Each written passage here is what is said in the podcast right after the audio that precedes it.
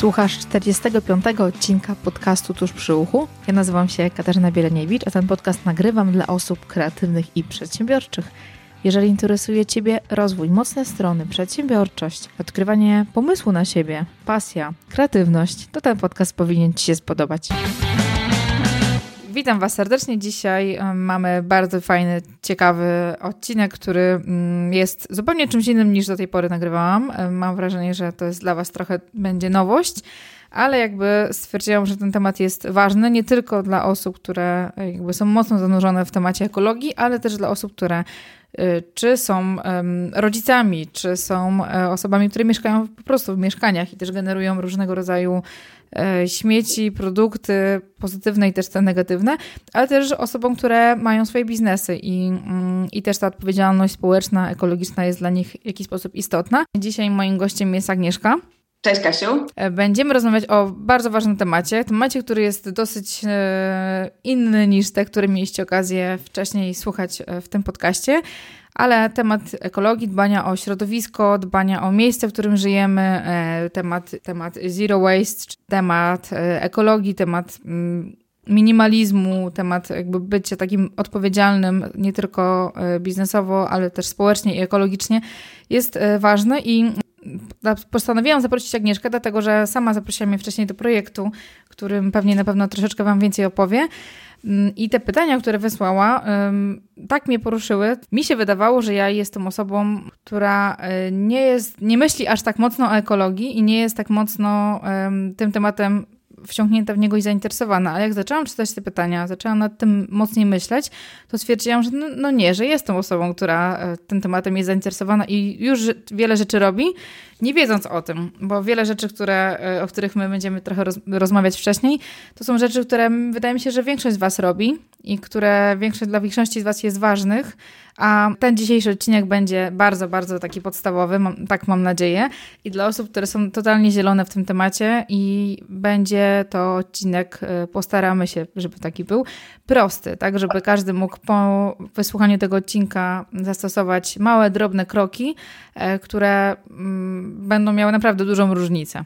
I od tego będziemy, o tym, na ten temat będziemy dzisiaj rozmawiać. Mam nadzieję, że nam fajna rozmowa wyjdzie.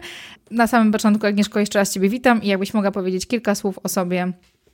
To jeszcze raz, Kasiu, bardzo się cieszę, e, że mogę brać udział w Twoim podcaście mm, i, i że Twoi e, słuchacze będą mieli okazję e, czegoś się dowiedzieć na temat ekologii i takiego zielonego stylu życia.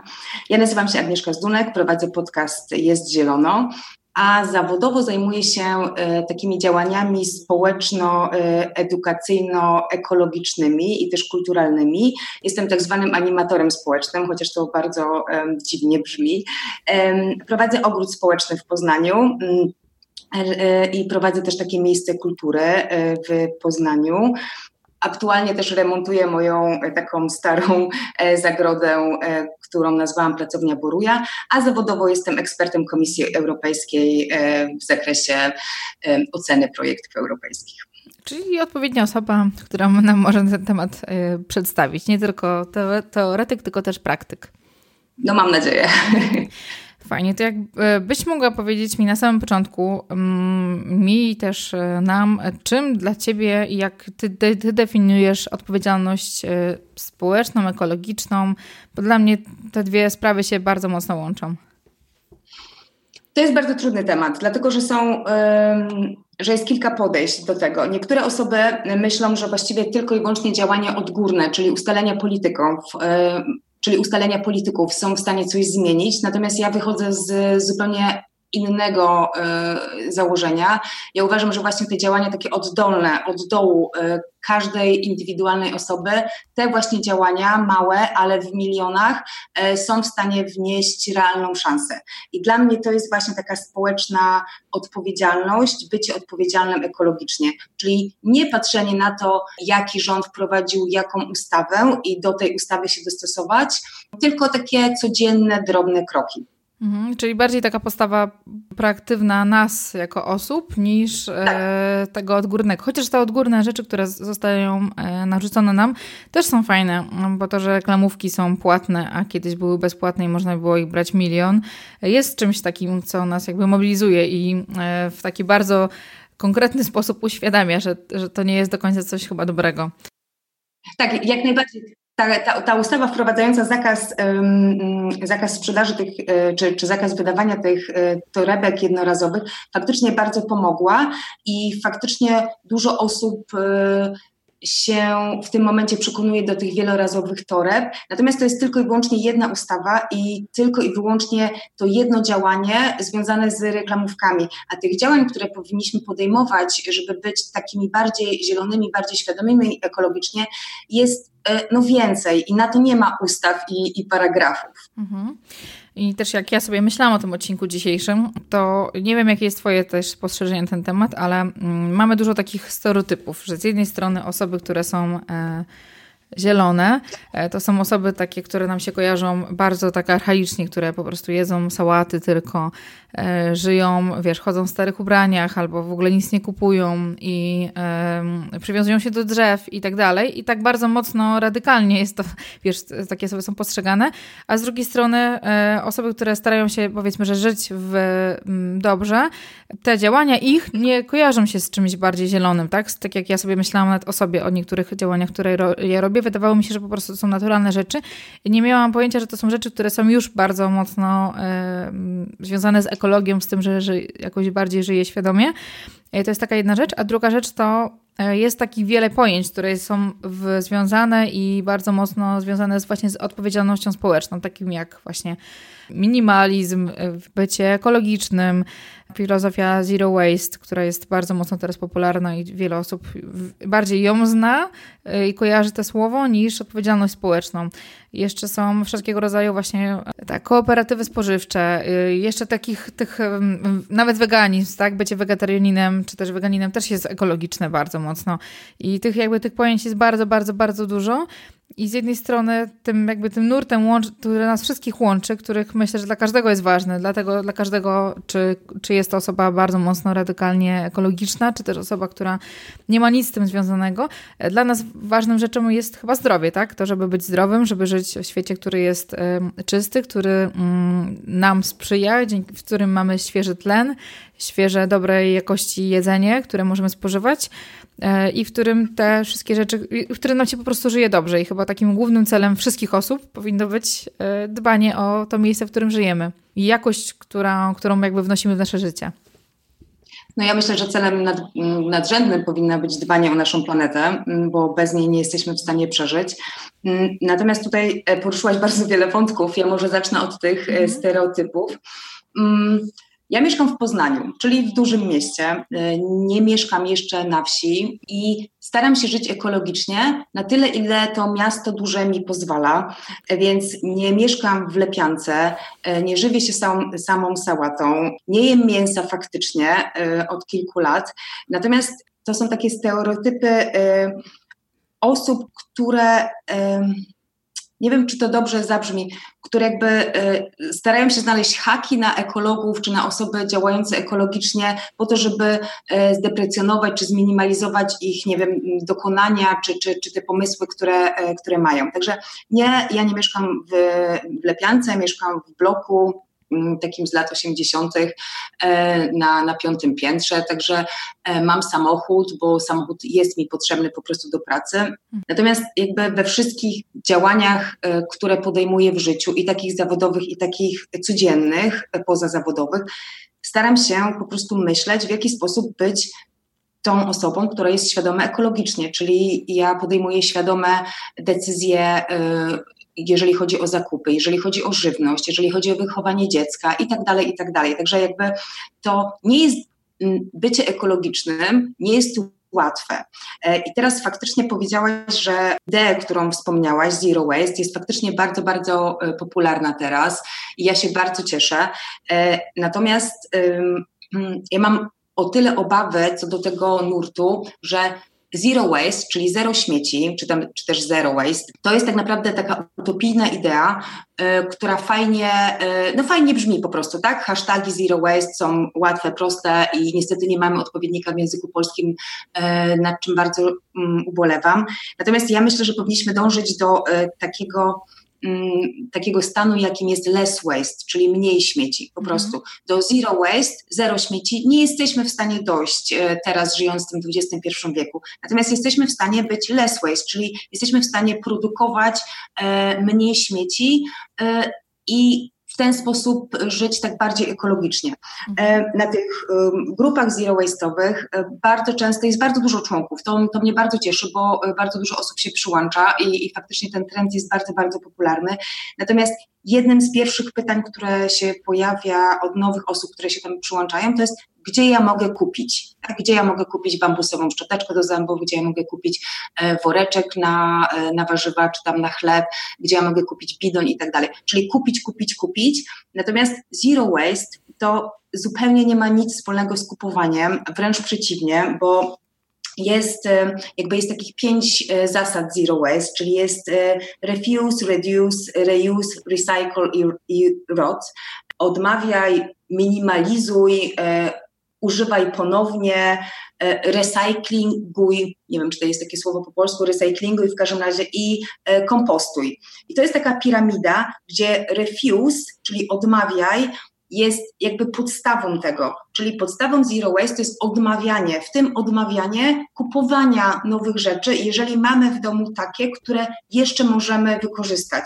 E, w ogóle jest też takie, mm, taki fajny, fajny plakat czy mem, e, gdzieś to mi przemknęło w internecie, nie wiem, czy ja to dobrze zacytuję, coś, co nie powinno e, coś, co nie może być użyte ponownie, naprawione, zrecyklingowane czy skompostowane, nie powinno być w ogóle wyprodukowane. I ja z tym bardzo, bardzo się zgadzam. Natomiast teraz no, w takich czasach żyjemy, że nie jesteśmy w stanie żyć zero waste, więc bądźmy less waste. Mhm. No, poruszyłaś fajny temat, bo też te niektóre rzeczy od nas nie zależą. Tak jak jakość produktów, które są produkowane, nie zależy do końca od nas. Kiedyś te produkty były, starczały nam na długo i nawet. Um, wiele zawodów takich, które już wymierają, tak? Szewc, krawcowa, e, znaczy krawcowe są, ale krawcowa taka, w której można było zanieść jakieś rzeczy i coś z nimi zrobić. Teraz są babcie albo prababcie jeszcze, które umieją, które cerują jeszcze skarpetki, tak? A przeważnie się to wyrzuca takie rzeczy. Ja ceruję. Tak, plus nawet, no babcie chyba są takim i prababcie takim najlepszym przykładem, bo mm, ja znam z mojego doświadczenia, wiem jak jak one potrafią e, z rzeczy, które przynoszą, które kupują, wszystko zrobić, tak? E, zupa, zupy są warzywa, z warzywy potem się robi sałatkę, e, z miseczki po jakimś maśle czy po czymś innym, które kiedyś takie były miseczki różne, w tym były jakieś galaretki robione, tak? Potem jeszcze 100 razy była wymywana ta miseczka i potem dostarczało jako, no, do przekazywania takich, wiesz, słoików i jakichś gołąbków, innych rzeczy dla wnuków i tak dalej.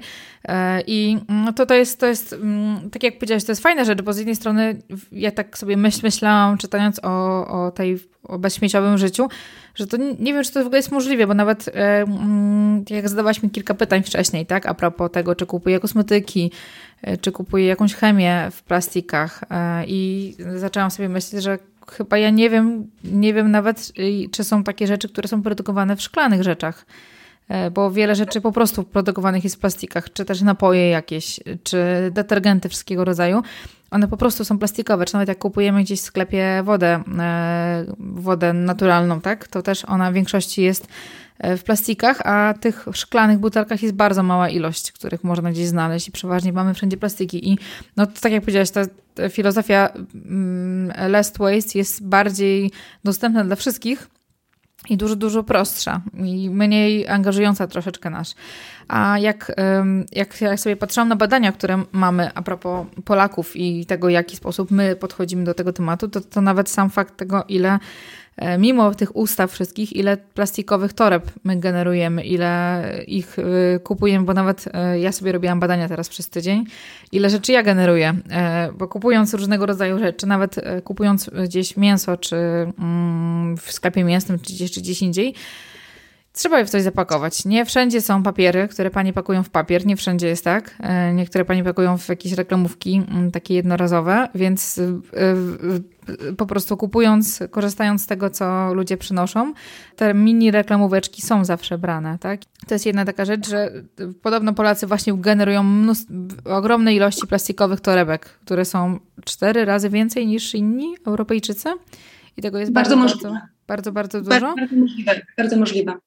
A, a drugi temat ogólnie, który tutaj jakby według badań jest poruszony, y, że Polacy są osobami, które oprócz plastików to bardzo dużo rzeczy kupujemy i marnujemy strasznie dużo rzeczy pod kątem, nie wiem, kupowania ubrań, jakichś takich y, drobnych rzeczy, plus kupowania y, właśnie ubrań, rzeczy, zabawek, wszystkiego, co tak naprawdę nie jest nam w ogóle potrzebne, takich różnego rodzaju dupereli, tak, które są po prostu niepotrzebne. I nawet ta y, akcja ostatnio IKEA, która była, IKEA robiła promocję na Black Friday, tak, mi się strasznie podobała, więc takie dwie, dwie rzeczy, na które tutaj wyczytałam, że warto zwrócić uwagę. Kupowanie jedzenia, które jest wyrzucane, e, kupowanie ubrań i plastiki.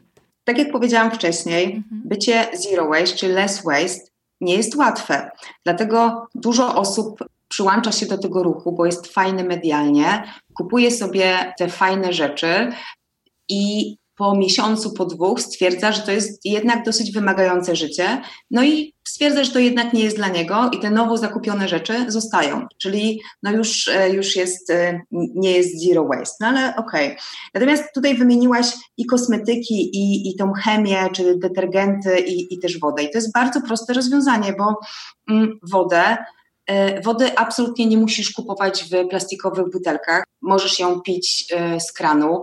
My na przykład w Poznaniu mamy bardzo dobrej jakości wodę. E, w Warszawie również jest bardzo dobrze, dobrej jakości woda i wystarczy tak naprawdę zadzwonić do swoich wodociągów i spytać się o, o te normy i każdy wodociąg czy każdy dostawca wody pitnej ma obowiązek dostarczenia dobrej jakościowo wody pitnej. Jeżeli faktycznie nie smakuje ci ta woda, która bezpośrednio leci z kranu, no bo czuć gdzieś tam chlor, to zawsze możesz ją przygotować. Także to już jest to już jest taka wymówka, e, że nie można kupować wody w szklanych butelkach. Tak? Możesz, bo możesz, e, bo możesz tą wodę pić z kranu.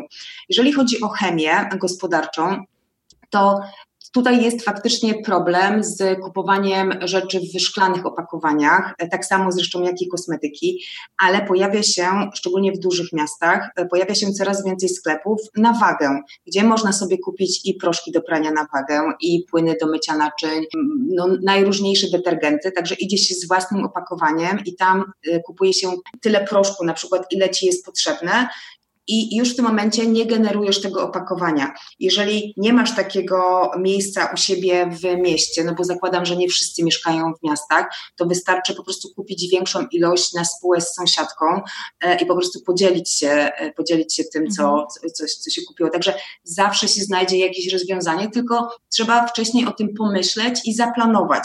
Jeżeli chodzi o te zakupy e, w sklepie, no to ja bardzo często, znaczy przede wszystkim to ja mam listę zakupów, tak? Ja planuję, e, planuję moje posiłki, e, bo ja generalnie ja jestem taką osobą, która musi mieć wszystko zaplanowane, więc ja mam takie listy to-do rzeczy i checklisty i tak dalej, więc moje posiłki też są zaplanowane. I po prostu jadę do sklepu, odpalam mój telefon i tam jest lista rzeczy, które ja muszę kupić na dany, na dany tydzień mm, i po prostu to kupuję, więc nawet jeżeli okaże się, że ja gdzieś tam wracam z pracy i nie mam tej mojej siatki w, w samochodzie czy tam na rowerze, ja po prostu biorę karton, a w sklepach no jest pełno kartonów i po prostu pakuję luzem te marchewki, te jabłka, tę cebulę i tak dalej. E, I naprawdę no, no nic się nie stanie. One nie muszą być każda osobno zapakowana w foliową reklamówkę. Po prostu, po prostu. Mhm, Okej, okay. to do tych sposobów jeszcze przejdziemy, um, mhm. co możemy robić konkretnie, ale wiesz co, jeszcze chciałabym na samym początku, chciałabym jeszcze, żebyśmy najpierw dla osób, które um, być może pierwszy raz tak bardziej się stykają z tym tematem i pierwszy raz e, stwierdziły, że okej, okay, posłucham tego podcastu i e, zobaczymy, co z tego będzie, mimo że temat być może mnie nie interesuje, ale posłucham, zobaczymy, co tam ciekawego e, Kasia i Agnieszka mówią. To jakie pytania warto sobie zadać na początku? Mm, to znaczy, żeby zobaczyć sobie, bo tak jak E, dobrą metodą w ogóle jest obserwowanie i zobaczenie sobie, spra sprawdzenie, jak to wszystko wygląda, jakie rzeczy generują u mnie dużo rzeczy, co się dzieje, tak jak nawet myśląc o budżecie domowym, tak, który też e, wiele osób mhm. prowadzi. Nawet sam fakt tego, że prowadzicie ten budżet domowy, widzicie, że strasznie dużo kupujecie jakichś produktów i można je zminimalizować, tak? Mm, e, co takiego, jakie pytania można sobie zadać, albo na co warto zwrócić uwagę, robiąc taką obserwację tygodniową bądź też dwutygodniową tego, jak wygląda nasze, nasze życie, nasze działania, nasze takie praktyki.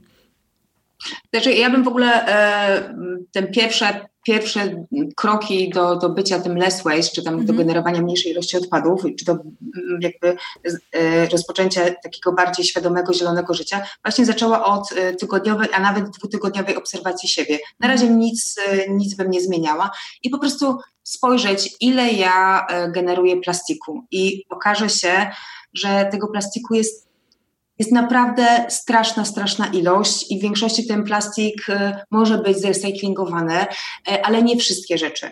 Y, ile jedzenia i jakiej, jakiego rodzaju jedzenie ja wyrzucam, bo mi się marnuje, bo kupiłam za dużo, czy kupiłem za dużo, bo byłem na zakupach w sklepie zupełnie nieprzygotowany i kupowałem sobie po prostu tak o. Mhm. Ile ja tych siatek zużyłem bez sensu w sklepie do, do kupowania tych, tych rzeczy. E, co jeszcze? Jakie ja mam e, detergenty w domu, e, czyli środki czystości, i czy na pewno one są bezpieczne dla, dla mnie, dla, dla mojego zdrowia i dla zdrowia mojej, mojej rodziny. I okaże się, że Oczywiście na, niestety na, na opakowaniach do chemii e, takiej gospodarczej nie ma obowiązku podawania składu, więc producenci nie pogadają składu. Natomiast jak ktoś już tam daj, dojdzie do, e, do badań, to okaże się, że pięć środków na zupełnie inne rzeczy, czyli nie wiem, na mycie podłogi, na mycie, do mycia naczyń, do, e, nie wiem, do, do pastowania może nie, ale generalnie pięć różnych środków ma prawie identyczny skład. Dlaczego nie zastąpić tego jedną uniwersalną rzeczą i w tym momencie mamy tylko jedną rzecz, za którą mniej płacimy i mamy tylko i wyłącznie jedno opakowanie. I takie rzeczy możemy sobie, y, możemy sobie sprawdzać. Ile też odpadków organicznych nam zostaje? Czyli jeżeli ja gotuję obiad dla rodziny, to te odpadki, nie wiem, obierki od marchewki, czy od jabłek, czy od jakichś innych warzyw, e, czy resztki mięsa, e, czy one lądują do kosza, do kosza ogólnego, czy ja je może odkładam do jakiegoś pojemnika e, i dalej je, i dalej je gdzieś tam kompostuję sobie dalej, bądź na mhm. balkonie, bądź nie wiem, w jakichś otwartych kompostownikach. Tutaj od razu dodam, że mięsa się nie kompostuje, także bardzo przepraszam tutaj za mój błąd. Także to, to są takie małe kroki i na razie bym zaczęła po prostu od obserwowania e, siebie i swojej rodziny e, i też testowania e, siebie, do jakiej granicy ja jestem w stanie e, się posunąć, tak żebym ja miała e, zachowaną ten taki komfort mojego życia, bo e, jednak no, nie ukrywajmy, tak jak powiedziałam, to nie jest łatwe, ale to nie ma być utrudnianie swojego życia, to ma być ułatwianie je w taki sposób, żeby ono po prostu było bardziej czystsze, ale też mniej chaotyczne. Ja mam takie wrażenie, że od, od czasu, jak, jak stałam się, e, znaczy staram się, stałam się, jak, jak jestem bardziej świadoma, to moje życie jest takie bardziej poukładane. Takie ja mam mhm. wrażenie. Mhm. Czyli trochę poobserwowanie trochę naszych nawyków, tak? Bo wiele rzeczy robimy tak. automatycznie, nie myśląc o tym, bierzemy, pakujemy i wychodzimy. Okej. Okay. I mm, wydaje mi się, że też chyba kolejnym krokiem byłaby jakaś forma edukacji, bo jeżeli, okej, okay, stwierdzam, że E, mam tyle i takich detergentów i chciałabym je 3-4 zamienić na jeden, to muszę sobie przejrzeć, jakie rzeczy są dostępne, czego mogę innego poszukać, albo jaki środek chcę wybrać, więc trochę um, będzie trzeba zainwestować troszeczkę czasu w to, żeby zobaczyć, e, wyedukować się, dowiedzieć się, co akurat, czym mogę zastąpić coś i co mogę dodatkowo wnieść, tak? Czyli edukacja? Edukacja oczywiście, edukacja jakby powinna nam towarzyszyć w, na każdym kroku i w każdej dziedzinie naszego życia. E, natomiast nie musimy od razu tworzyć e, swojej własnej chemii, czy nie musimy stworzyć swoich własnych mydeł czy kosmetyków. Równie dobrze możemy je kupić. Mm, I są już bardzo fajne jakieś takie drogerie ekologiczne w, w Polsce, inter, no, internetowe e, i tam możemy już kupić gotowe zestawy. E, I z reguły te drogerie ekologiczne mają to do siebie, że można poprosić o opakowanie zero waste, czyli nie, nie opakowują tam e, w plastik, tylko nie wiem, wypychają na przykład papierem tak, te, te te, te, te, przestrzenie pomiędzy, pomiędzy pudełkami. Także e, natomiast jeżeli chcemy faktycznie e, już zacząć robić swoje własne kosmetyki, no to jest masę przepisów e, w internecie. Jedne są gorsze, drugie są lepsze. Na to, w jaki sposób możemy zrobić swoje własne mydło, czy własny płyn do prania, czy, czy, czy płyn do, do mycia naczyń. To jest tylko kwestia testowania i testowania. No, jeżeli ktoś tak ma mało czasu, to myślę, że to robienie własnych rzeczy jest, nie jest takie proste. Mm, wiesz co, ja na przykład mam taką strategię, my kupujemy, mm, nie będę może podawać marki, kupujemy produkty, które są koncentratem i one są w, w, dużej ilości, można je rozcieńczyć. I tak jak mówiłaś, kiedyś my mieliśmy, tak jak zobacz, zrobiliśmy sobie listę rzeczy, których posiadamy, tak? Mieliśmy jakiś płyn do fug, płyn do kabin prysznicowych, płyn do, e, do mm, paneli, e, jakiś tam do mycia podłóg, uniwersalny, do szyb i co myślę bez sensu. I już później, wiesz, nie wiedziałam nawet czego mam używać, bo tego tyle było, e, ale tak się, wiesz, wydawało, że to jest ok. A teraz mamy, mm, kupujemy właśnie z tamtej firmy koncentraty i one są uniwersalne. Mamy jeden płyn, który jest bardzo mocno działający, on działa na wszystkie rzeczy, taki silnie, silnie działający, ale, naturalnie, ale są w pewien sposób one naturalne, bo są na bazie, nie wiem, tymianku, na bazie jakiegoś drzewa herbacianego, na jakichś takich elementach, które są ziołowe i które też przede wszystkim nie śmierdzą. I one, mimo tego, że mają silne działanie, to w ogóle nie śmierdzą. I no, to jest rzeczywiście fajna rzecz, bo mniej rzeczy, mniej miejsca zajmują te kosmetyki wszystkie, chemia, ale, na, ale są bardzo, bardzo fajne. Trochę z praniem jeszcze nam nie udało się zejść z niczego, tak? Wiem, że są jakieś szyszki, kule do prania, ale no nie wiem, jeszcze chyba jest, nie jestem aż tak kreatywna, żeby takich rzeczy używać. No.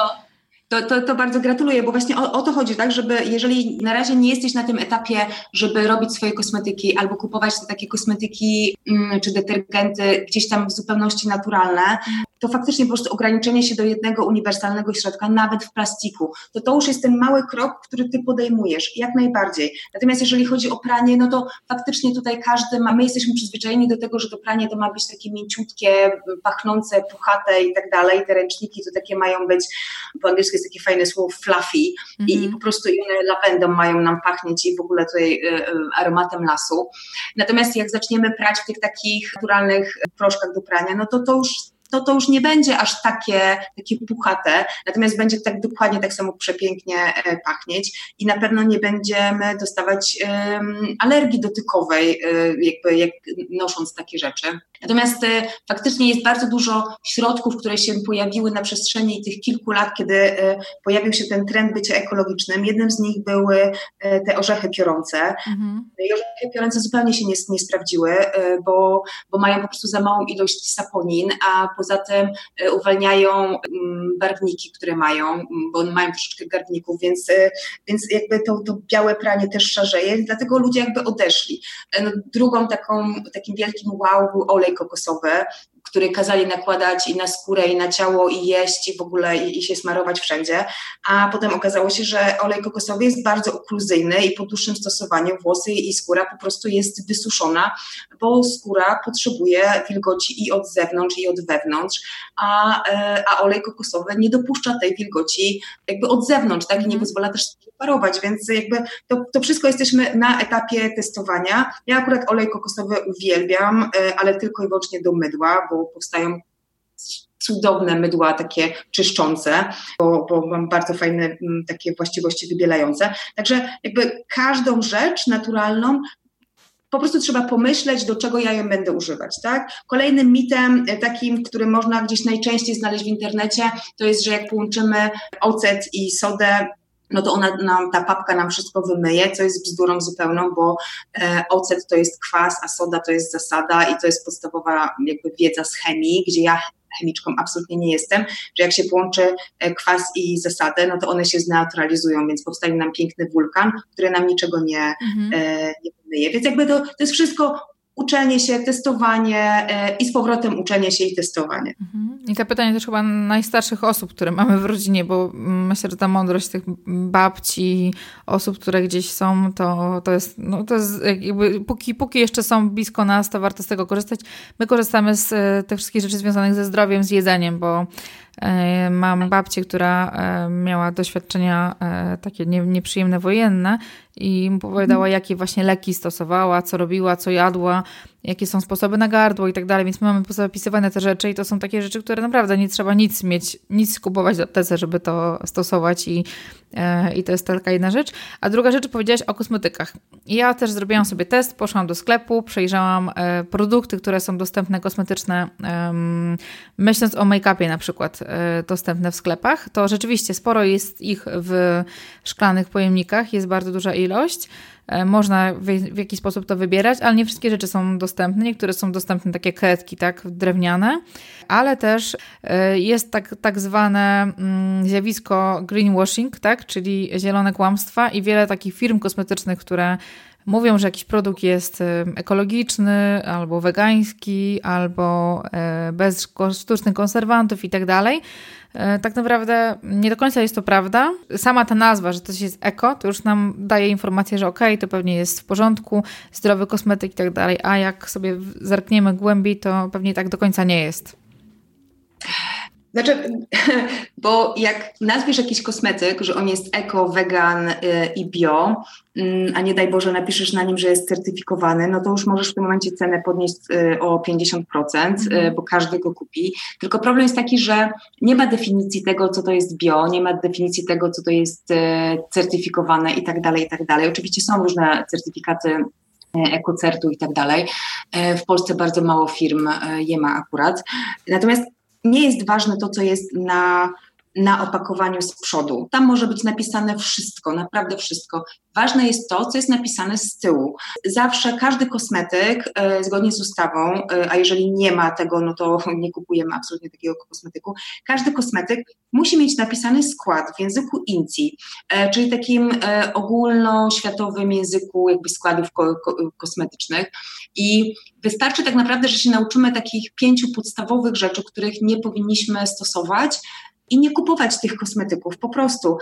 niestety większość firm takich znanych, które są w takich topowych, nazwijmy to, drogeriach, no mhm. większość tych kosmetyków ma e, w składach te rzeczy, których nie powinniśmy kupować, tak?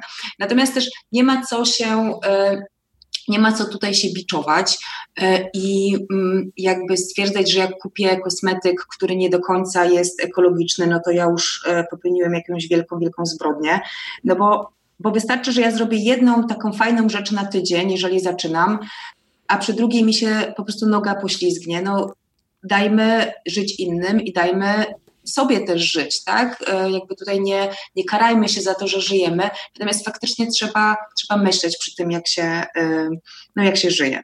Czy te pięć składników mm. będziemy mo mogli podać w odcinku, w notatkach? Tak. Żeby można było sobie Tak, tak. Może, mo ja może, może w notatkach je podam, dobrze? dobrze. Mm, przygotuję taką listę dla, dla Twoich słuchaczy. Natomiast e, tutaj warto jeszcze dodać, że e, na przykład jest teraz taka bardzo duża nagonka na SLS-y. E, czyli te takie sodium, laurew i tak dalej, i tak dalej. I nagonka jest faktycznie bardzo duża i ja też nie kupuję kosmetyków z, z tym składnikiem w środku, ale nagonka jest dlatego, że to jest składnik, który jest najbardziej przebadany ze wszystkich półproduktów czy produktów e, kosmetycznych mhm. i no i bada się również ryzyko wystąpienia jakichś tam, nie wiem, powikłań, reakcji niepożądanych i tak dalej. Z uwagi na to, że on jest najbardziej przebadany, ten, te SLS-y są najbardziej przebadane, no to też y, i lista zagrożeń jest odpowiednio długa, po prostu, tak? A jeżeli coś nie jest przebadane, no to y, przy tej liście rzeczy niepożądanych będzie napisane nie stwierdzono, no bo jeszcze nie stwierdzono. Tak? Także ja podam te pię pięć rzeczy faktycznie, e, ale też trzeba uważać to, co jest w internetach na, napisane, bo czasami zdarzają się bzdury po prostu e, powypisywane. Mhm, Okej. Okay. E, też wspomniałeś wcześniej o robieniu naturalnych kosmetyków samodzielnie i to jest temat, mhm. który można robić bardzo skomplikowane rzeczy, można też robić dosyć proste rzeczy. Ja też często uczestniczę w takich, teraz mniej, ale wcześniej częściej, w warsztatach różnych i pamiętam jak dziewczyny robiły kremy do twarzy, robiły, i to jest tak proste do zrobienia, e, tylko trzeba kupić sobie kosmetyki, robiły kremy do twarzy, robiły jakieś kosmetyki. Ja też mam taką książkę Naturalne kosmetyki, tam są toniki, maseczki, które się robi w sekundę. One są fajne, bo są rzeczywiście naturalne, wszystkie składniki my znamy i mamy w domu, minus taki jedyny jest, ale to jest też plus w sumie, że są, mają krótką datę ważności i długo z nami nie poleżą, ale można je zastosować bardzo, bardzo szybko. I też z dziećmi często robimy mydełka w prezencie. E, kupujemy e, takie mm, nie glicerynę i jeszcze takie inne rzeczy, które po prostu roztapiamy i robimy jakieś fajne mydełka w prezencie. Więc jakby można i nie trzeba wcale mm, czegoś strasznego, strasznie trudnego robić. To nie jest takie trudne do zrobienia, bo te przepisy rzeczywiście są ba banalne. E, tonik z ogórkiem, czy jakaś maseczka e, z, z białek kurzych, tak? czy jeszcze z czegoś innego. To są banalne rzeczy. Oczywiście, że tak. Jak ja, ja, ja prowadzę warsztaty i, i, kosmetyczne, i mydlarskie i jakby pierwszą rzecz, którą zawsze moim dziewczynom mówię, bo ja 90% od moich e, warsztatowiczek to są kobiety, to zawsze im mówię, że jeżeli jesteś w stanie ugotować cokolwiek, to jesteś w stanie też zrobić swój własny krem, bo do kremu tak naprawdę to wystarczą trzy składniki, czyli wystarczy woda, olej, jakiś tłuszcz i coś, co połączy tę wodę z tłuszczem, czyli emulgator. I jak połączysz te trzy składniki, to tak naprawdę masz najprostszy krem w życiu. I dopiero później zaczyna się kombinowanie, tak, że można dodać trzy rodzaje e, jakichś tłuszczy, że można dodać jakiś, nie wiem, e, jakiś olejek zapachowy i tak dalej, i tak dalej. Także zamiast wody jakiś hydrolat. Natomiast zrobienie kremu to jest 5 minut, dobra, z przygotowaniem składników to jest 10 minut, tak? Zrobienie mydła, ale nie mówię tutaj o takich glicerynowych, tylko o takich, um, takich sodowych i potasowych, to też jest 10 minut, tak? Jak się jak już zna technikę. A, a takie mydła robi się 10 minut, one tam potem dojrzewają, nie wiem, 4 tygodnie, bo, bo żeby takie, taką fajną konsystencję dostały. I potem jak się zrobi takie mydło, na przykład 10 kostek, to ono ze spokojem na pół roku wy, wystarcza, tak? Także 10 minut poświęcamy, czy tam 20 minut poświęcamy na zrobienie mydła i na pół roku mamy spokój. Tak? I tak, także mhm. e, to akurat mydło to jest takie, e, e, taka rzecz, która nie wymaga konserwantu, natomiast te, faktycznie te naturalne kosmetyki, które robimy, czy kremy, czy toniki, no one jak nie mają konserwantu, no to tydzień w łazience mogą przeleżeć maksymalnie, ale to maksymalnie już, bo nawet jak nie widać, co jest tam mm, na zewnątrz niczego, no to w środku tam już życie istnieje. E, ale w tym momencie możemy je po prostu trzymać w lodówce mhm. albo dodawać e, takiego naturalnego e, konserwantu. Na przykład jest bardzo dużo fajnych konserwantów, takich naturalnych z rzodkiewki mm, na przykład. Tak? Także mhm. rozwiązania są naprawdę. Mhm. No wystarczy wygooglować wszystko, tam wszystko jest. Um, ale i... trzeba uważać, co się googluje. Tak? to też prawda. Mm, ja też tą moją książkę polecę. W niej też oprócz tego, że są składniki fajne, jak to zrobić, to też jest termin przydatności każdego produktu, czyli ile czasu coś może w lodówce stać. E, drugim tematem, takim chyba drugą, drugim protipem jest chyba e, temat e, związany z lekami, tak? Czyli z tym, że część rzeczy, część leków, które kupujemy, możemy w ogóle wyrzucić i ich nie używać, tylko używać wszelkiego rodzaju jakichś probiotyków, naturalnych soków, naturalnych lekarstw, takich antybiotyków naturalnych. I, e, I dla mnie osobiście to jest chyba najbardziej taki mm, coś, co ja robię ekologicznie, coś, co my wspólnie robimy ekologicznie, czyli ten obszar takiej profilaktyki, czegoś zanim się pojawią leki. Oczywiście, oczywiście. To, to, jest jakby jak najbardziej no, rynek farmaceutyczny w Polsce, ale w ogóle na, na świecie to jest największy rynek e, i mamy lekarstwa e, na wszystko i mamy e, suplementy diety na wszystko. Ja tylko przypomnę, że suplementy diety w jakikolwiek sposób nie są badane, więc w środku może być no może być każdy możliwy składnik, a, a na opakowaniu i w reklamie mogą też powiedzieć, że to jest zadzieją się cuda, tak, jak, jak to weźmiemy. Natomiast bardzo wiele lekarstw jest po prostu w naturze. Jest przecież cała e, nauka, e, fitoterapia, która jest poświęcona wykorzystaniu e, ziół i, i roślin leczniczych właśnie w, w leczeniu.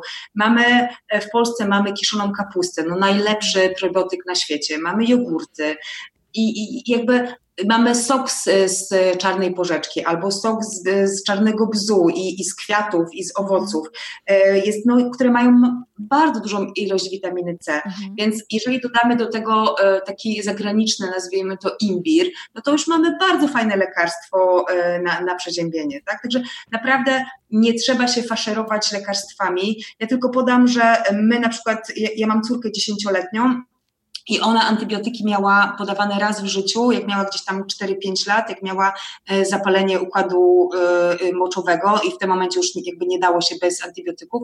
A tak, my praktycznie nie chorujemy, albo jak już chorujemy, to nie bierzemy lekarstw, takich nazwijmy to standardowych e, lekarstw i bardzo dobrze nam się żyje i chyba jesteśmy całkiem zdrowi. No da się. U nas jest różnie, bo też są przedszkola, ale e, jest też w miarę ok. Teraz mój mąż w tym roku wraca, wrócił do morsowania i morsuje co, co dwa dni, więc yy, ja go podziwiam, na razie tylko obserwuję. ale tak, ale morsuję sobie. E, powiedziałaś jeszcze wcześniej i to, e, o takiej podstawowej rzeczy, które możemy robić, czyli zrezygnowanie z foliowych siatek i zastąpienie je czymś innym. E, ja mam takie mhm. lniane torby różne, przeważnie do jakichś konferencji, gdzieś w różnych miejscach się dostaje po prostu gratis takie torby. E, mam też takie duże torby, które po prostu wiem, że dobrze, dobrze się trzymają i wykorzystujemy je mm, e, dalej i gdzieś tam indziej. I to jest chyba najprostsza rzecz, którą możemy robić e, Dokładnie. w każdym momencie. Ok, a druga rzecz powiedziałeś o wodzie, o piciu wody z kranu, tak? Picie wody z kranu jest no, kwestia sprawdzenia tego, w jakim miejscu mieszkamy, czy ta woda jest odpowiednia. Okej, okay. mamy swoją wodę kranową, kranówkę, e, pijemy taką wodę w domu. E, druga rzecz to zabierając taką wodę gdzieś z sobą, szczególnie w okresie, kiedy jest ciepło, możemy zabierać ją nie kupując, nawet jak my byliśmy w górach jakiś czas temu, Mamy takie bidony specjalne. One się, jak się wypije, to potem się je zwija i po prostu zajmują tylko tyle miejsca. I zawsze wychodząc mhm. gdzieś w góry, czy gdziekolwiek indziej braliśmy e, takie bidony. One są fajne, przyczepione do plecaka, więc e, nie trzeba generować plastików, które gdzieś tam ludzie w górach zostawiają i też tam tyle śmieci jest. Jakiś własny termos, własne butelki, własne rzeczy, które gdzieś zabieramy, czy nawet taki kubek na kawę własny, który gdzieś w podróż jedziemy. E, czy jeszcze z, takiej, z takich rzeczy, które zabieramy w drogę, coś warto mieć e, z sobą, e, nie wiem, idąc do pracy, czy idąc w jakieś miejsce, gdzieś wyjeżdżając? Ja mam, ja mam na pewno termos na wodę, czy tam bidon na wodę, jeżeli jest lato, jeżeli jest zima, no to mam, e, mam termos, e, w którym przewożę ciepłe, e, ciepłe posiłki. Mam też swój kubek, chociaż w momencie jak mam termos, to on też ma kubek, więc właściwie tego, tego kubka odrębnego mało co używam, bardziej moja córka go na, używa na, na swoich obozach harcerskich. Natomiast tych rzeczy, które wymieniłaś, dodałabym jeszcze sztuczce, takie wielorazowe. I to wcale nie są kupione sztućce gdzieś jakoś specjalnie. Ja po prostu gdzieś na jakiejś konferencji dostałam, były sztućce plastikowe. Ja stwierdziłam, że nie będę ich używać. Stwierdziłam, że nie będę ich wyrzucać, tylko po prostu umyłam i do teraz je wożę ze sobą wszędzie, gdzie nie jestem pewna, e, czy będę mogła zjeść takimi normalnymi, e, wielorazowymi sztućcami. Także wożę ze sobą sztućce plastikowe, które są wielorazowe. I to właściwie chyba wszystko z takich rzeczy, które według mnie powinny być w podróży. Natomiast w domu, w domu to albo bym kupiła, albo y, uszyła, bo oczywiście można też uszyć, mhm. Y, waciki wielorazowe do, do, do zmywania toniku albo tam do, do zmywania sobie twarzy. To jest rzecz, przed którym ja się bardzo dużo przed którą ja się bardzo długo broniłam, ale teraz jak już y, sobie kupiłam, to jestem nimi zachwycona. Używam je od pół roku i właściwie pozostałość moich takich jednorazowych, takich wacikowych jednorazowych wacików leży ze mną od pół roku i nie jestem w stanie już tego jakby da dalej zużyć. Mhm. No tak, bo takie rzeczy, które jeżeli codziennie robimy makijaż, e, mnóstwo generujemy wycików wszelkiego rodzaju, patyczków do uszu mm. i e, tego typu rzeczy i chusteczek. Mm, Okej. Okay. A e, kwestia mm, ogólnie chyba najbardziej problematyczną rzeczą jest kwestia jedzenia, bo nawet zamawiając pizzę mamy pojemniki. Kupując jakieś gotowe produkty, nie wiem, nie mamy czasu, kupujemy pierogi zapakowane już w sklepie, dużym, dużym sklepie znanym ze zwierzątkiem, czy jakieś jakieś inne, inne tego typu rzeczy, e, to te plastikowe pudełka są. I, e, znaczy, wiesz, pizza akurat przychodzi w, w papierowym opakowaniu, tak nie ma problemu. Natomiast jakby ja bym tutaj e, no nie kupowała pizzy ze względów zdrowotnych, chociaż też kupuję raz na jakiś czas, no nie, nie da się ukryć. Ale słuchają nas też studenci, którzy może mniej gotują, no, więc... Tak, tak, tak, dokładnie, dokładnie. Także to ja też nie jestem święta i w życiu nie będę jakby mówiła o sobie, że ja to jestem taka zero waste i w ogóle. Absolutnie nie. Ja jestem cały czas w drodze do less waste. Także pizzę kupuję. Natomiast y, faktycznie jest tak, że nie powinno się kupować tych gotowych, y, gotowych już produktów spożywczych, czyli przetworzonych, jakichś tam naleśników, sałatek i tak dalej. Po pierwsze, dlatego, że one już są produktami przetworzonymi, czyli z racji tego, że są przetworzone, nie są już takie zdrowe jak świeże, a po drugie, że są pakowane w plastik. Także już tutaj mamy dwa, y, Także już tutaj mamy dwie rzeczy, które, no, które nie są dobre. Jedna jest pod, nie, nie jest dobra pod względem zdrowotnym, druga nie jest y, dobra pod względem środowiskowym. Zrobienie naleśników to naprawdę nie jest jakaś taka wielka, e, wielka filozofia, e, a jedzenie, tak jak ja pamiętam z czasów studenckich dawno temu, to jedzenie zawsze od mamy się przywoziło w, w słoikach, tak? Jakieś tam mm. klopsiki, inne, inne rzeczy, jak jeszcze kiedyś mhm. mięso jadłam. Także to jest tylko i wyłącznie kwestia dobrej woli i dobrego przygotowania się i nie chodzenia do sklepów na głodniaka. Mhm. Zresztą to jest chyba podstawa każdej diety, e, że i, i którą mówią, że nie chodź do sklepu na głodniaka, bo wtedy kupisz wszystko. Mhm. Wiesz co, ja, ja zanim ja się nauczyłam gospodarować rzeczami w domu, które są, to też przyznam się, że, że sporo jedzenia się marnowało, bo robiłam za dużo, jak zrobiłam za mało, to potem mi było, mówiłam, kurczę, mogłam zrobić więcej i takie czasami gotowanie na dwa dni mm, to powoduje to, że tego dużo się czasami zużywa i zostaje też spora ilość. A też, mhm. a też bardzo popularną rzeczą u nas tutaj w mieście, w którym ja mieszkam, jest dzielenie się jedzeniem i na przykład w święta, nie pamiętam teraz nazwy tej, e, tego stowarzyszenia i tej inicjatywy, ale generalnie jest, jest taka grupa, taka społeczność, która ogólnie pomaga osobom bezdomnym, osobom potrzebującym i w okresie świątecznym, poświątecznym E, i takim, kiedy ludzie dużo kupują rzeczy i później dużo jedzenia gotują i potem zostawia, to wszystko zostaje. Jeździ, zbierają jedzenie, które, e, które ktoś zrobił za dużo, nie policzył i no przeważnie robimy za dużo na święta, tak? I tego jedzenia jest mhm. za dużo, e, które jest jeszcze dobre do jedzenia, nie jest zniszczone, nie jest um, jakoś stare, tylko czymś, co można się podzielić, bo naprawdę są osoby, które no, nie mają tyle i nie mają możliwości zrobienia i też z jedzenia takich dobrych potraw. Właśnie tutaj wydaje mi się, że jest ten problem, że jak myślimy o dzieleniu się jedzeniem, to myślimy zawsze w kontekście osób e, jakiejś e, w gorszej sytuacji e, od nas, e, osób, które jakoś są mm, wykluczone społecznie bądź zagrożone wykluczeniem społecznym. Natomiast jedzeniem można się dzielić zawsze i wszędzie, niezależnie od tego, czy są święta, czy, czy, czy nie ma tych świąt. Na przykład w Poznaniu jest fantastyczna inicjatywa, nazywa się Jadłodzielnia e, Wildecka. Na rynku wildeckim jest po prostu mhm. wystawiony taki stragan, e, na którym można przynosić nadmiar swojego jedzenia, a ktoś inny może je wziąć. I faktycznie na początku było tak, że korzystały z tego głównie osoby bezdomne. Natomiast teraz z tego jedzenia korzystają wszyscy. Ja również czasami i tam daję i, i, i zabieram. Akurat rynek bilecki trochę nie jest po drodze, ale jak tam jestem, to, to zawsze, zawsze z tego korzystam. Dokładnie tak samo jest z, z ubraniami, gdzie bardzo dużo osób oddaje ubrania do giftboxów tak zwanych, nie wiem jak jest w innych miastach, w Poznaniu u nas jest wysyp giftboxów, czyli to jest taka szafa, gdzie można przynieść swoje ubrania głównie, ale też mm. inne, inne produkty. E, niespożywcze i tam możemy po prostu je zostawić i ktoś inny może z, z tego skorzystać. Problem jest tylko taki, że bardzo dużo osób daje te ubrania, ale już nie bierze e, dla siebie, tak? A jakby to polega na tym, że bierze się i, i, i daje. I czasami te giftboxy niestety przypominają troszkę takie, e, no, takie, takie śmietniska, ale myślę, że to jest kwestia jeszcze Y, kilku miesięcy, maks kilku lat, żeby jakby świadomość ludzi no już się, się zwiększyła. Ja mam bardzo dużo os- ja mam bardzo dużo ubrań z kickboxów, bądź też z lumpeksów. I absolutnie się tego nie wstydzę, bo, bo zresztą mam moją ulubioną koszulę z kickboxa już z kilka lat i jest po prostu fantastyczna. Mam gdzieś tam jakieś, jakieś takie, nie wiem, jeansy i tak dalej na jakichś wymiankach sąsiedzkich.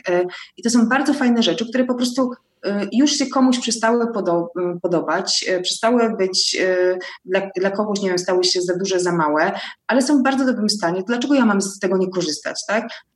Bardzo dużo osób się dziwi temu, że ja chodzę w takich ubraniach, bo w ogóle tego nie widać. No, jest takie założenie, że ktoś, kto zajmuje się ekologią, dochodzi w łachmanach, no bo to jest właśnie ten stereotyp. Stereotyp, mhm. tak. Ale też no, część ubrań mam nowych, no buty na przykład, oczywiście i bieliznę, no kupuję sobie, tak, już nie, nie biorę używanej, e, bądź też jakieś takie okrycia, nie wiem, płaszcze, kurtki zimowe, to te już też sobie kupuję, bo nowe, e, dlatego, że one mają mi starczyć na wiele, wiele lat. Mhm. Um, taki ten temat, e, ten, który poruszyłaś, czyli e, ograniczenia się w pewien sposób myślenia o tym, co kupujemy, nawet samo kupowanie ubrań. Są też osoby, które w nagrodę sobie kupują jakieś rzeczy, albo też, żeby się pocieszyć. Różnie, różnie z tym jest. Ja mam od lat, szczególnie jak się pojawiły dzieci, mam taką zasadę, że nie kupuję, jeżeli nie potrzebuję czegoś nowego, tylko korzystam właśnie albo kupuję od kogoś. No, OLX mamy, który jest świetnym miejscem do takiej wymiany, mm. albo do, po prostu oddawania rzeczy. albo też właśnie bardzo lubię second handy, second handy wszelkiego rodzaju i tutaj w mieście, w którym mieszkam są ekstra rzeczy i większość z nich jest, sporo z nich jest metkami, więc to jest też fajne, a szczególnie dla dzieci, które rosną, no nie wiem, ja jestem, jestem osobą rozsądną. Lubię pieniądze, lubię też je wydawać, ale na rzeczy, które uważam, że no nie wiem, komputer musiałabym kupić nowy, żeby był dobrej jakości, ale spodenki czy bluzeczkę kolejną, no, no nie, szkoda by mi było pieniędzy. E, I też, I też tak samo jak dzielimy się jedzeniem, też ja e, bardzo zachęcam wszystkich do dzielenia się właśnie tymi ubraniami, czy w giftboxach, które są e, anonimowe, czy po prostu przekazywaniu rzeczy komuś, kto zapytaniu się, czy potrzebujesz czegoś, bo to dzięki temu nie generujemy ilości, takiej ilości ubrań, które gdzieś są produkowane bez sensu, a i nie wyrzucamy rzeczy, tak? Ja przeważnie, jeżeli mam coś do oddania i chcę to zrobić szybko, wystawiam po prostu w ładnej torebce pod śmietnik i ktoś, kto przechodzi, może sobie po prostu to wziąć, bo no, to nie jest żaden wstyd, wstyd tak skorzystać z rzeczy, która jest E, niepotrzebna. A co w, a co w tej, mm, co w temacie naprawiania, bo żyjemy trochę w takiej e, mm, świecie, gdzie wszystko się wyrzuca. Jeżeli coś się psuje, to wyrzucamy, jeżeli coś się psuje, kupujemy nowe. Często dlatego, że te ceny produktów są tanie i taniej nam, szybciej jest nam coś kupić nowego niż naprawić. Mm, a naprawianie jest e, taką rzeczą, którą kiedyś robiliśmy, tak? A teraz trochę od tego się odchodzi. No, wiesz no, naprawiać rzeczy po pierwsze trzeba lubić, mm, trzeba też troszeczkę umieć. Ja na przykład musiałam się nauczyć szyć od nowa, mm, ale to jakby akurat mi sprawiło frajdę. Mm, nauczyłam się ostatnio też szydełkować, więc na przykład szydełkuję, robię na, na szydełku dywany, takie dywaniki z starych t-shirtów i to też jest takie bardzo fajne, odstresowujące zajęcie. Natomiast nie jestem w stanie naprawić e, butów na przykład, e, no bo po prostu tego nie umiem, więc idę do szewca. Po pierwsze, to są zawody ginące, więc z reguły to wykonują starsze osoby. Mhm. Jeżeli nie jestem w stanie sobie po, po, poradzić z przeróbką jakiegoś ubrania, idę do krawcowej i tak dalej, i tak dalej. Tak? Ze starych jeansów, e, które mam, szyję na przykład jakieś, nie wiem, ubrania na, na, na, na bale przebierańców dla, dla dzieci u mojej córki w szkole i tak dalej, i tak dalej. Także da się to wszystko zrobić. Jeżeli nie jesteś w stanie niczego naprawić, to ogłoś to na jakiejś grupie. Może ktoś przyjmie jakiś, jakąś e, zniszczoną rzecz, którą on albo ona będzie w stanie naprawić bo nawet nie wiemy czasami, jakie rzeczy ludzie e, kupują. I jak my robiliśmy wyprzedaż takich rzeczy, części różnych Rafała, bo Rafał ma dużo takich elektronicznych rzeczy, strasznie dużo, aż za dużo trochę. Nawet nie wiemy, ile rzeczy takich dziwnych ktoś potrzebuje, bo są osoby, które majsterkują i zbierają taki złom, taki, no taki złom, takie części w ogóle niepotrzebne i, i kupują część, rzeczy na części po prostu, żeby coś sobie z nich stworzyć, zrobić. Ja mam taki karton, w którym mm, zbieram rzeczy takie niepotrzebne, różne, typu, nie wiem, jakiś fajny materiał, jakieś e, piórka od czegoś i teraz nam się przyda, bo wygooglowałam sobie łomki na choinki z recyklingu i robimy do przedszkola dla, właśnie dla córki i y, w ogóle super rzeczy można zrobić z żarówek starych, z butelek plastikowych niepotrzebnych. Takie fajne rzeczy można zrobić, więc kwestia tylko kreatywności i jakiejś takiej zabawy w tym, co można zrobić, Dokładnie. jak można to dalej wykorzystać. Najfajniejszym chyba są przykładem są te palety wszelkiego rodzaju, których w ogóle ludzie robią takie piękne meble i koszt żaden prawie. Kwestia tylko czasu poświęconego na to, żeby się pobawić takim czymś. No, palety też są, znaczy meble z palet są niestety bardzo, bardzo ciężkie, więc e, pod względem uży, e, jakby um, użyteczności później jest troszkę problem. Natomiast faktycznie jest to bardzo fajny sposób na, na wykorzystanie takich starych palet, tak? Mhm. Okej, okay, to już mamy myślę, że sporo takich rzeczy, które warto, na które warto zwrócić uwagi, takich pomysłów, co można robić dalej. Nawet picie kranówki to jest prosta rzecz. Um, zrezygnowanie z foliowych reklamówek też jest dosyć prostą rzeczą. E, I to już nam daje takie poczucie, że robimy cokolwiek, coś robimy dla środowiska naszego. E, a jeżeli byśmy chcieli się czegoś więcej dowiedzieć, mm, poczytać trochę, jakieś fajne strony sprawdzić, e, wejść trochę głębiej w temat, gdzie warto zajrzeć? Jest kilka fajnych blogów. Jest na pewno e, Kasia Wągrowska z Ograniczam się. Jest, jest na przykład Janusz Mizerny, który prowadzi bardzo, bardzo fajnego bloga o takim zacięciu naukowym. Jest na przykład e, Julia e, Wiznowska, która prowadzi bloga o upcyclingu. Jest, no jest mój podcast też, zapraszam serdecznie, jest Zielono. Także zapraszam, a strona internetowa to jestemzielona.pl. Na Facebooku i na Instagramie mm. również zapraszam. Także jest, jest, jest bardzo fajne, jest, jest kilka bardzo fajnych takich miejsc, może ja um, podamy po prostu je w notatkach do Twojego odcinka. Jasne. To Agnieszko, co jeszcze chciałabyś dodać na koniec? Może dwie rzeczy. Ja przygotuję dla Twoich słuchaczy taką listę 20 rzeczy, e, mhm. które można zrobić, żeby być e, less waste. To po pierwsze, takie bardzo, bardzo praktyczne mhm. rzeczy, mm, typu właśnie jak można ograniczyć smog w mieście, w jaki sposób e, pomóc jeżom w miastach na przykład, w jaki mhm. sposób kupować ryż albo kaszę i tak dalej, i tak dalej. Także takie bardzo oczywiste rzeczy, jak zobaczycie, to, to stwierdzicie, że to kurczę, no przecież to są bardzo, bardzo proste pomysły. Także Natomiast e, zapraszam też do wyzwania, które się nazywa mm, Eko dla Zielonych. Rusza 5 e, grudnia. Razem z to będzie i wyzwanie, e, w którym będziemy uczyć się, jak być ekologicznym od samego początku, ale w tym projekcie bierze też udział 15 osób, fantastycznych osób, blogerów i podcasterów, między innymi Ty, Kasiu. Te osoby są zupełnie, zupełnie niezwiązane z ekologią. Mm, to są osoby, które są związane albo z IT, albo z coachingiem, albo z jakimś marketingiem, biznesem i tak dalej, zupełnie nic niezwiązanego z ekologią, a które opowiadają o tym, co one robią, e, żeby być ekologicznym, jak, jak dużą świadomość ekologiczną mają i czy mają, bo niektóre osoby są bardzo, bardzo e, ekologiczne i zielone. Zresztą ja bardzo nie lubię tego słowa ekologia, bo mm, bardzo mi się kojarzy właśnie z takim stereotypowym podejściem do mhm. tego. Czyli bardziej wolę słowo, że jestem zielona, czy jestem zielony. Także te osoby, niektóre z nich są bardzo zielone i, i przy niektórych naprawdę byłam bardzo, bardzo wzruszona, jak słuchałam tych nagrań. Niektóre jawnie przyznają się do tego, że nie mają nic wspólnego z byciem mm, zielonym i wielka chwała im za to, że potrafią się do tego przyznać, bo nie jest łatwo przyznać się do tego, że się kimś nie jest, tak? że nie jest się osobą, e, która, która jest ekologiczna. Także wyzwanie rusza 5 grudnia. Serdecznie zapraszam. Szczegóły będą e, na stronie jestemzielona.pl, ale też na Facebooku e, i na Instagramie i też oczywiście na, mam nadzieję, że tutaj też pomożesz oczywiście, w promocji. Oczywiście. Także będzie trwało. Mm, serdecznie zapraszam. A ja zachęcam Was do pobrania tych 20, listy 20 rzeczy, które warto zrobić i do robienia jednej, tylko jednej rzeczy z, tych, z tej listy, albo też więcej oczywiście, e, która dla Was jest najbardziej mm, w Waszej sytuacji, w tym jak żyjecie, w tym co robicie, najbardziej e, przydatna.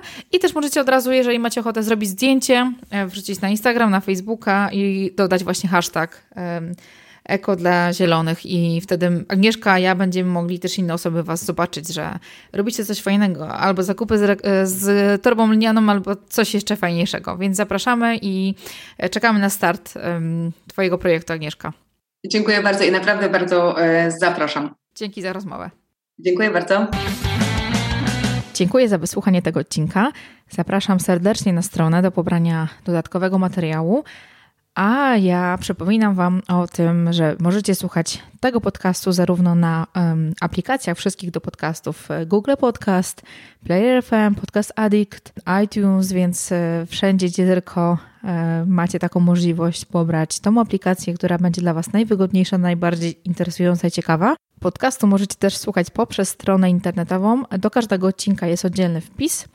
Tam też jest taki player, wystarczy kliknąć żółtą strzałkę. Jeżeli też macie ochotę, możecie sobie taki plik z tej strony właśnie pobrać, taką MP3 i słuchać ją nawet wtedy, gdy nie macie dostępu do internetu. Od pewnego czasu nagrywam również odcinki z wideo i możecie je znaleźć na kanale Katarzyna Bieleniewicz na YouTubie. Tam są specjalne dwie playlisty. Jedna jest to ścieżka, gdzie możecie słuchać wyłącznie audio bez wizji. To jest taka ścieżka wygenerowana automatycznie ze Spreakera. Oraz druga playlista, gdzie możecie zobaczyć wideo, czyli nasze nagranie, ja i mój gość, nasze, nasze nagranie z kamerek podczas właśnie prowadzenia wywiadu. I zapraszam też serdecznie do takiej społeczności, którą zaczęłam od jakiegoś czasu tworzyć. Społeczności patronów podcastu Tuż przy uchu. Jest to taka społeczność ludzi, którzy lubią ten podcast, którzy słuchają, którzy są aktywnymi słuchaczami, którzy chcą się też dowiedzieć trochę więcej, e, którzy też chcą poznać nowe, ciekawe osoby, a których łączą pewne tematy, zainteresowania. I taką grupę mamy na Facebooku. Żeby do niej dołączyć, wystarczy wybrać sobie jeden z progów dostępnych na profilu Patronite. Oczywiście linki są dostępne w notatkach do tego podcastu. Oprócz różnych bonusów, które są, dla patronów też przygotowałam, myślę, że bardzo wartościową rzecz, czyli spotkanie z gościem podcastu. Są, są to takie spotkania, które będą organizowane raz w miesiącu, być może częściej. Zobaczymy jeszcze, jak to będzie wyglądało. Z gośćmi, którzy już byli w podcaście. I ciągniemy dalej temat, który był poruszany. Są wcześniej, możecie wybrać sobie pytania, które chcecie zadać temu, tej osobie.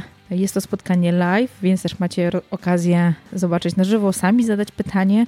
I też e, powstał taki pomysł, że słuchacze, czyli nasze te małe grono osób, które są podczas takiego spotkania, mogą mm, aktywnie też uczestniczyć w podcaście, bo ostatnie nasze nagranie, które było z Karmilą Goryszewską, e, dotyczące wypalenia zawodowego, higieny pracy, e, nagraliśmy i stwierdziliśmy, że jest o tyle ciekawe, że chcemy je puścić jako odcinek podcastu, więc taki odcinek też się w najbliższym czasie, być może w grudniu, być może w styczniu pojawi w którym to oprócz e, mnie i Kamili e, wystąpią też patroni podcastu Dusz przy uchu. E, też jeszcze gościnnie jeden podcaster, który, którego będę cytować tutaj jego, jego odcinek podcastu, który był bardzo interesujący, ale to jeszcze o tym mm, myślę, że niedługo zapowiem. Jeszcze raz dziękuję wszystkim za wysłuchanie tego odcinka i zapraszam do odcinków, które pojawią się już w grudniu. Mam już przygotowane wszystkie odcinki, więc myślę, że będzie ciekawie, interesująco i czeka Was różnorodność różnych tematów i ciekawych. I oczywiście konkursy, bo jak święta Mikołajki, e, to też będą konkursy, w których będziecie mogli wygrać ciekawe rzeczy. Dobrego dnia i do usłyszenia już niebawem. Cześć!